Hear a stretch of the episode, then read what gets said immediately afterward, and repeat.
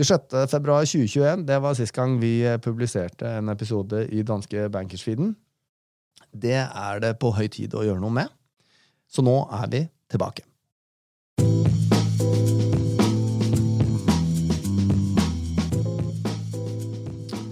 Men vi er tilbake i ny drakt, kan du si. Vi, eh, vi, har ikke lenger den samme strategen som vi hadde på plass her i Danske Bank. Vi har vært så heldige å få en ny. Eh, velkommen, eh, Anders Johansen, vår nye sjefstrateg i Danske Bank. Tusen takk. Og du er jo ikke akkurat ny til podkasten heller? Nei, heldigvis ikke, får vel si. Ja, nei, Du er en rutinert podder, så du har vært her mange ganger før. Og du hadde selvfølgelig også en god del ideer om hvordan vi kunne gjøre det her videre nå som ikke Kristian lenger er eh, med oss. Eh, og det er bare rett og rimelig òg, syns jeg, at når du kommer på plass, så må du få lov å være med og bestemme hvordan vi skal gjøre det her, så at det passer eh, den tralten som du og jeg ønsker på dette. Og vanligvis så har vi jo i podkasten så har vi publisert en sånn ukentlig eller semi-ukentlig update på basically egentlig hva som har skjedd i markedet, hva vi ser for oss framover. Eh, og der ønsker vi å gjøre litt endringer, så de episodene som vi publiserer framover nå, der kommer vi til å ha De kommer til å være tematiske. Rett og slett eh, episoder om ting vi mener fortjener ekstra oppmerksomhet. Og akkurat eh, i dag så er det bare to dager siden vi publiserte eh, det nye markedssynet til eh, Danske Bank, som noe som vi gjør hvert kvartal. Og det tenkte jeg at det var ganske interessant for oss å titte på, Anders. Ja, det, som sagt, det gjør vi hvert kvartal, og det er jo Jeg syns denne gangen er kanskje enda mer spennende enn ofte ellers, fordi det skjer så mye i markedet, så veldig relevant å ta det i dag. Ja, og vi, vi har jo faktisk publisert uh, episoder tidligere som har omhandlet markedssynet vårt, og da tenkte jeg jeg ønsker å utfordre deg litt her, Anders, for jeg føler mange ganger når vi snakker om uh, markedssyn, så kommer det en eller annen strateg inn, gir meg mye informasjon ofte kanskje litt for mye, om den eh, økonomiske situasjonen i verden, altså makroøkonomiske forhold, og kanskje litt geopolitisk og diverse andre ting i tillegg. Og så eh, presenterer de, eller kanskje til og med at de også presenterte endringene i markedssynet først.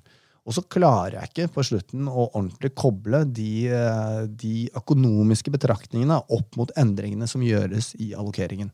Og Derfor vil jeg gjerne at du skal prøve å få til det i dag, og da vil jeg helst høre en update fra deg på den økonomiske situasjonen først, og at vi så beveger oss over til markedssynet etterpå. Høres det greit ut?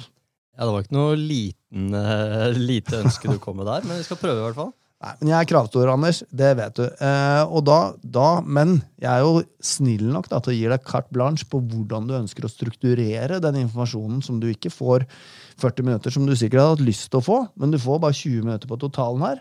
Så da vil jeg gjerne ha en update fra deg på den økonomiske situasjonen først. Ja, bra. Og, og, takk for det. La oss begynne med det siste året, da, som jo har selvfølgelig har vært eh, preget av eh, korona. Det har vært preget av eh, egentlig vinteren i fjor var det jo fortsatt nedstenging og mye usikkerhet rundt korona. Men aksjemarkedet har jo stort sett steget gjennom året. Fra, fra januar og frem til august. Og så kom det en liten dipp i, i september som følge av da denne delta-varianten. Eh, som den ene tingen. Og det andre var jo at vi fikk råvareprisene veldig mye opp.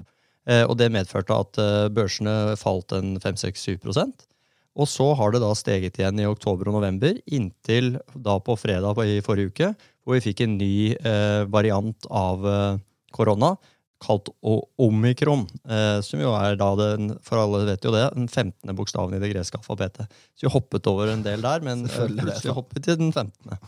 Um, så, og, og, da var jo litt uh, usikkerheten tilbake, da. Så det er sånn veldig kort uh, fortalt.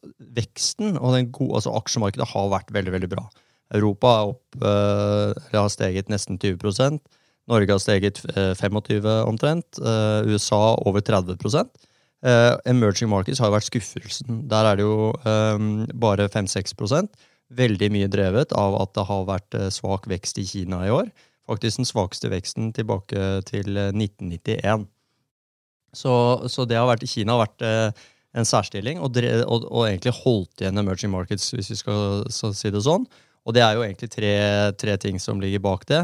Det ene er jo at uh, Kina som sagt da har hatt lav vekst. Og det skyldes at de er i ferd med å en, gjøre endringer på modellen sin, hvis vi skal kalle det sånn. De skal gå over fra å være drevet av mye lånefinansierte investeringer i eiendom og infrastruktur, og over til uh, mer forbruksdrevet vekst. Uh, hvor det er middelklassen som, som blir rikere og uh, kjører veksten ved, ved sitt forbruk på, på, samme måte som det er egentlig i Europa og USA. Og For å få til det så må de gjøre en transisjon, en forvandling fra der de var, over. Og da har de slått ned bl.a. på teknologiselskaper, de har slått ned på utdannelsesselskaper, gaming, eh, og også da kanskje aller størst og viktigst eiendomssektoren. Det har vi jo sett en del rundt Eve Grande og, og den type ting, så jeg skal ikke ta det noe, noe videre. Um, men det er, så det er jo dem. Og så er det jo de, de, da USA som har gjort det best. Der er jo de, de gamle lokotivene, hvis vi skal kalle det det. Disse velkjente fangaksjene som vi jo eh, har diskutert i poden tidligere. Facebook, Amazon, Netflix, Google, eh, Apple osv. Eh, og de er jo veldig, eh, Kjennetegnet for dem er jo det at de alle sammen egentlig har tjent veldig veldig bra på korona. De har, de har enten netthandel, det er Netflix er selvfølgelig at vi sitter hjemme og ser på TV fremfor å gå på kino, og på restaurant. Du har Microsoft og, og Amazon. Som Amazon er jo netthandel, men i tillegg så er det også da denne forvandlingen eller overgangen til skytjenester som alle bedrifter har, eh, har kastet seg på. Så vel, alle disse trendene har jo bare har fortsatt eh, med ikke uforminsket, men faktisk eh, akselererende styrke, og dratt det amerikanske markedet best av alle. Så det er jo litt Jeg vil si det er eh, bakteppet. Og så er det jo noen skyer på horisonten. Det ene er jo Kina, som vi har vært inne, eh, inne på. Der er det endringer på gang. Det er usikkerhet rundt den eh, vekstmodellen de har hatt. Eh, men samtidig, som jeg pleier å si, Kina er jo et eh, kommunistisk land. Det er et ettpartistat. Så er det noen som skal kunne klare å gjøre en sånn endring på en kall det en relativt kontrollert måte, er det jo dem. Fordi de sitter med, med all makt og kan bestemme lover, priser og regler på en veldig enkel måte. Også bankbransjen har de jo full kontroll på ville vært mye vanskeligere å få til på en kontrollert måte i et uh, vestlig demokrati. Det andre problemet vårt er jo inflasjon. Er jo, vi har jo den høyeste inflasjonen nå, tilbake eller på ca. 30 år. Kan jeg stoppe deg, stoppe deg to sekunder der? Bare tenk på Kina, da. Du, du, forteller om denne omleggingen, da, og at det er selvfølgelig en usikkerhet forbundet med det. Ja, men ok, Hvilken konsekvens kan det få hvis ikke de får Nå sier du at du tror, tror at det er et sted de kan få det til, så er det der. Men hva, hva, hva, er, hva, er, risken her, da, hvis det ikke blir sånn som de tenker at det skal bli? Nei, og Det er et veldig godt eh, spørsmål, og i mitt hode så er dette kanskje noe av det viktigste som har skjedd da i makroøkonomisk de siste 20 årene. Fordi det, For det første så betyr jo den omleggingen at Kina kommer til å ha mye lavere vekst de neste ti årene enn det de har hatt de siste 20. Og det vil jo være en viktig premiss for, for veksten i resten av verden. Eh, fordi de, vil, de, har stått for mellom 30 og 50% av veksten i, i, verden eh, de siste årene. Så, så, det er jo det ene. Det andre er jo hvis de skulle, skulle mislykkes i å styre dette, så er det klart at eh, et fall i boligprisene i Kina vil være få konsekvenser for både emerging markets, hvor det smitter direkte, Europa, som jo eksporterer veldig, veldig mye til, til Kina, men også mm, selvfølgelig verdensøkonomien totalt sett. Sånn at Kina er en nøkkel, og jeg, jeg, tenker på at dette er kanskje den største endringen som har skjedd som sagt, de siste 20 årene. Fordi, fordi det har vært en så utrolig viktig spiller. Og mens vi andre har slitt med vekst på 2-3-4% så har Kina levert 10-11-12, og, og, i en dårlig år 7-8% så, så det er en nøkkel. Det var et godt svar. Da kan vi gå over til inflasjon. Da går vi over til inflasjon. Og, og inflasjon jeg var på vei til å si at den er jo på det høyeste nivået de siste 30 årene. Eh, som jo er en kjempeendring. Vi har hatt, eh, Spesielt de siste 20 årene så har det vært veldig veldig lav inflasjon. Sentralbanken har slitt med å holde inflasjonen oppe. Nå er de i ferd med å slite med å holde den nede. Og det er stor spenning knyttet til hva gjør sentralbankene nå. Eh, de har jo sagt at dette er forbigående. Det, Fed har jo brukt dette begrepet 'transitory', som betyr forbigående. I går, på pressekonferanse, så kom da Powell som nå for øvrig er gjenvalgt som ny eh, Fed-leder de neste fire årene, han sa plutselig at kanskje vi skulle gå bort fra dette begrepet transitory og heller beskrive hva er det vi tenker på. Eh, I tillegg så sa han at eh, de nå vurderer å gjøre de nedtrappingene av støttekjøp som de gjør av obligasjoner, gjøre det kjappere. Og Danske Bank har i dag vært ute og sagt at vi tror de kommer til å gå fra en nedtrapping på 15 milliarder dollar i måneden til 25. Så det, det er ganske, ganske, stort, og det gjør jo også at de da kan sette opp renten fortere. For det som er spesielt i USA i dag, det er jo at eh, ikke bare har de høy inflasjon, men de har også rekordhøy vekst akkurat nå. De hadde en litt nedtur i, i tredje kvartal, men mye tyder nå på at ting har skutt i, i fart, eh, skutt fart igjen. Eh, og det er jo mye på grunn av at de har jo hatt De har jo bekjempet korona med, kall det nebb og klør. De har jo virkelig dratt på denne gangen, fordi læringen fra finanskrisen var at vi kan ikke bare sette ned renten og kjøpe tilbake litt aksjer. Eh, nei, ikke aksjer, men, men, eh, kjøpe noen eh, obligasjoner. Så de har jo nå også dratt på kraftig med, med statsbudsjettet og gitt støttepakker.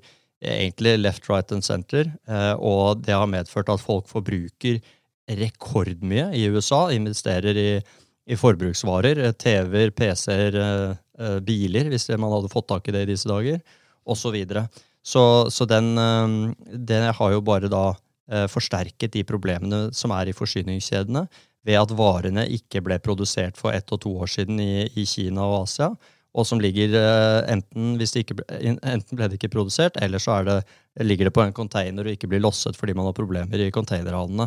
Så når de da vet at etterspørselen fyrer på alle sylindere, så er det en eh, utfordring. Eh, og Derfor så syns jeg det var så spennende det som, som Powell faktisk sa i går. Og han gjorde det jo også da uh, utenom de vanlige Fed-møtene. Dette kom jo på en, egentlig en tale han holdt ved siden av. Så i mitt hode ganske stor endring der. Så noen reaksjoner i markedet med en gang når han kom med sine uttalelser? Ja, de amerikanske børsene var vel ned nesten 2 i går. Mm. Oi. Uh, yes. Og så var det da den siste. Som vi har sagt, uh, inflasjon. Uh, og så har vi snakket om Kina. Og det siste er selvfølgelig korona. Vi kan ikke glemme det som en, som en, usikkerhet der ute. Og vi har jo skrevet på denne rapporten som kom ut på mandag. Den har vi holdt på med en måneds tid. og korona har hele tiden ligget der. Vi har følt at det har ligget, vært litt i bakgrunnen, men vi har også sagt at så lenge, så lenge det er så stor andel av verdens befolkning som ikke er eh, vaksinert. Eh, og da tenker vi spesielt på da eh, litt fattigere land med, med, mindre muligheter til å vaksinere så fort som vi har fått til i Vesten. Så er det sånn at det er en risiko for nye mutasjoner. da. Og de, sier, de sier jo det, jeg er ikke noe lege, men, men de sier at et sånt virus som får lov til å leve ubehandlet over tid, da vil det komme mutasjoner. Og det er klart, eh, Når vi vet at mange fattige land har, eh, ja, om de har begynt å vaksinere, så er det i hvert fall under 10% vaksinering foreløpig. Så var det egentlig bare et spørsmål om tid før en mutasjon kom. Nå har det kommet en mutasjon. Vi kaller den om omikron. Eh, og den, den, Vi vet at den er smittsom, men det vi, og, og, og trolig så fungerer vaksinene dårligere. Det vi er veldig usikre på, og som vi venter mer informasjon om, er jo dødeligheten eller hvor alvorlig er den? Det, det, er for tidlig å si noe om. Men hvis den i tillegg så her, her er det to scenarioer. egentlig. Hvis den er dødelig, så er, da har vi et stort problem. Da kommer det til å komme nye lockdowns og den type ting. Er den mindre smittsom og kanskje, eller unnskyld, mindre farlig, så vil jo det kanskje egentlig kunne medføre et, et positivt scenario.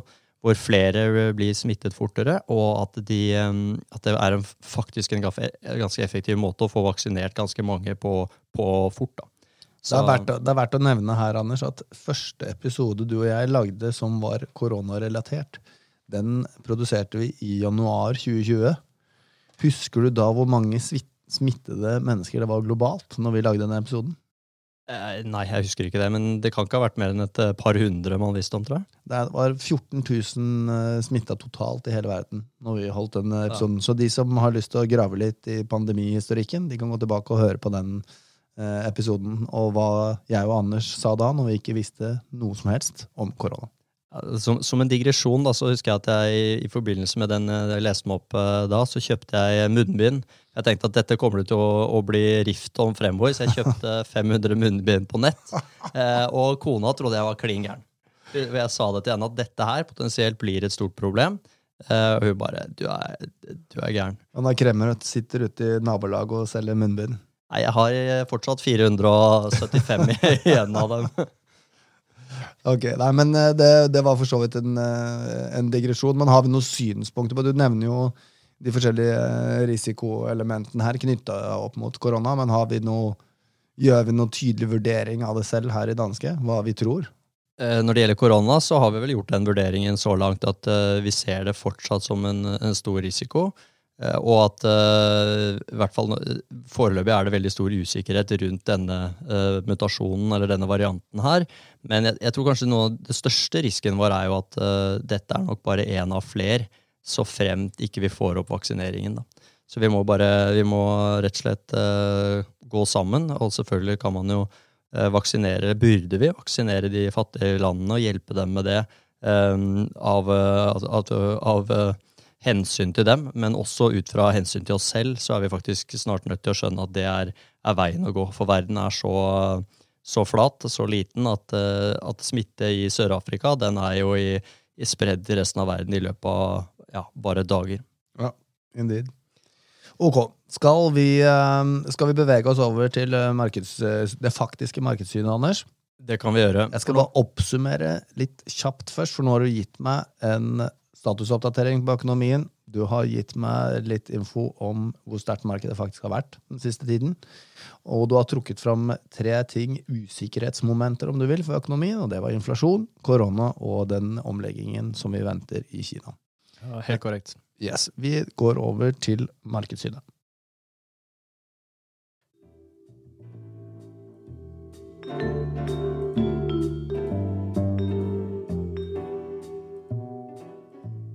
Og det er nå syretesten kommer, da, Anders. Klarer vi å koble det på de andre tingene vi har snakket om nå? Ja, altså Først fikk jeg jo nesten litt sånn julestemning av å høre den, uh, den, musikken der. Den er moden for en update, de der jinglene jeg har innpå her. altså. Ja, ja, Det kommer helt sikkert til nyttår, da. En uh, nyttårs, uh, nyttårs refresher på det. Men ja, jeg tror vi klarer å gjøre det. Og det er hovedendringen vår i, i Houseview, som vi kaller rapporten, det er jo at vi tar aksjer fra overvekt til nøytral. Og det er første gang vi gjør på over fire år at vi går nøytrale aksjer. Og grunnen til det er jo at vi, markedet har steget mye, eh, og mye med rette. Det har vært en fantastisk gjenåpning. Inntjeningen i selskapene er veldig veldig god. Men samtidig så føler vi at eh, disse riskene som er der, er alle sammen hver for seg ganske store. Og samlet sett så, så har ikke markedet egentlig tatt det helt uh, innover seg. Så, um, så, det er liksom Hovedgrunnen er egentlig det, at, at, vi ser at de riskene er der. De er så viktige, og, og de er ikke tatt inn over seg eller ja, Markedet har ikke egentlig hensyntatt det. Og så er det klart så kommer vi ut med den rapporten på, på mandag, og så ser vi jo da at eh, både er Fed blitt mer eh, bekymret. Eh, I dag kommer jo også OECD ut og sier at eh, hvis eh, omikron er det vi tror og frykter, så vil det kunne øke inflasjonsproblemene eh, fremover. Fordi, fordi, det kunne føre til nye lockdowns i, i spesielt de landene som produserer mye av de varene vi har. da. Og da er det jo bare ett spørsmål igjen, og det er jo om i hvilken grad vil myndighetene nå De kan jo ikke sette ned renten, for de har jo ikke begynt å sette den opp, men de kan jo komme med nye støttepakker. Hvis de støttepakkene bare blir til å kjøpe flere, flere flatskjermer og sånne sykler og tredemøller som du kan ha hjemme, så er det klart at da kommer disse inflasjonsproblemene bare til å bli verre. Så akkurat nå så er, er akkurat den situasjonen der uh, er ganske tricky, da. Um, bare tenkte å si også, nevne et par andre ting vi, vi gjør i, i, rapporten. Det ene er jo at vi tar, og som kanskje er av det mer kontroversielle, det er jo at vi tar uh, Europa til nøytral, ikke så kontroversielt, men at vi tar emerging markets fra undervekt, som har vært veldig riktig, til, uh, til nøytral.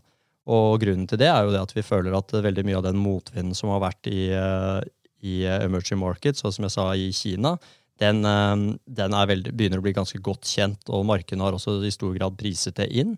Selvfølgelig kan det komme nye ting, men, men eh, vi tror at eh, ja, om ikke så er det, det er så as bad as it gets, så er i hvert fall forskjellen da, til, til, en del av de utviklede landene blitt så stor at vi syns at, at, vi burde da øke vektingen i emerging markets. Så det blir spennende å se hvordan det funker.